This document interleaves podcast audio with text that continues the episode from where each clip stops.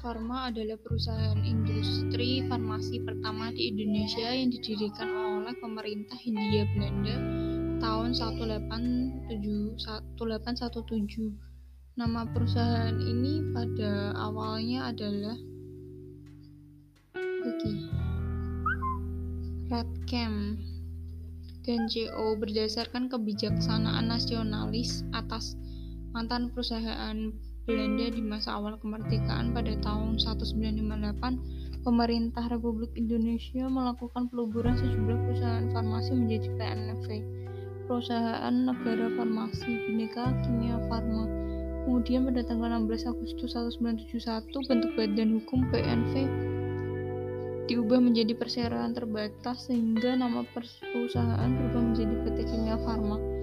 Pada tanggal 4 Juli 2001, PT Kimia Farma kembali mengubah statusnya menjadi perusahaan publik.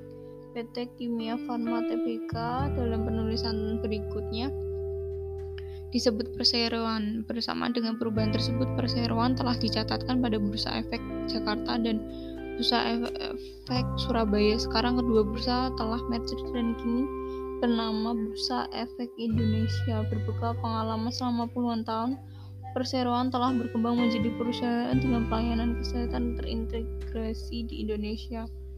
Perusahaan perusahaan perseroan kian diperhitungkan kiprahnya.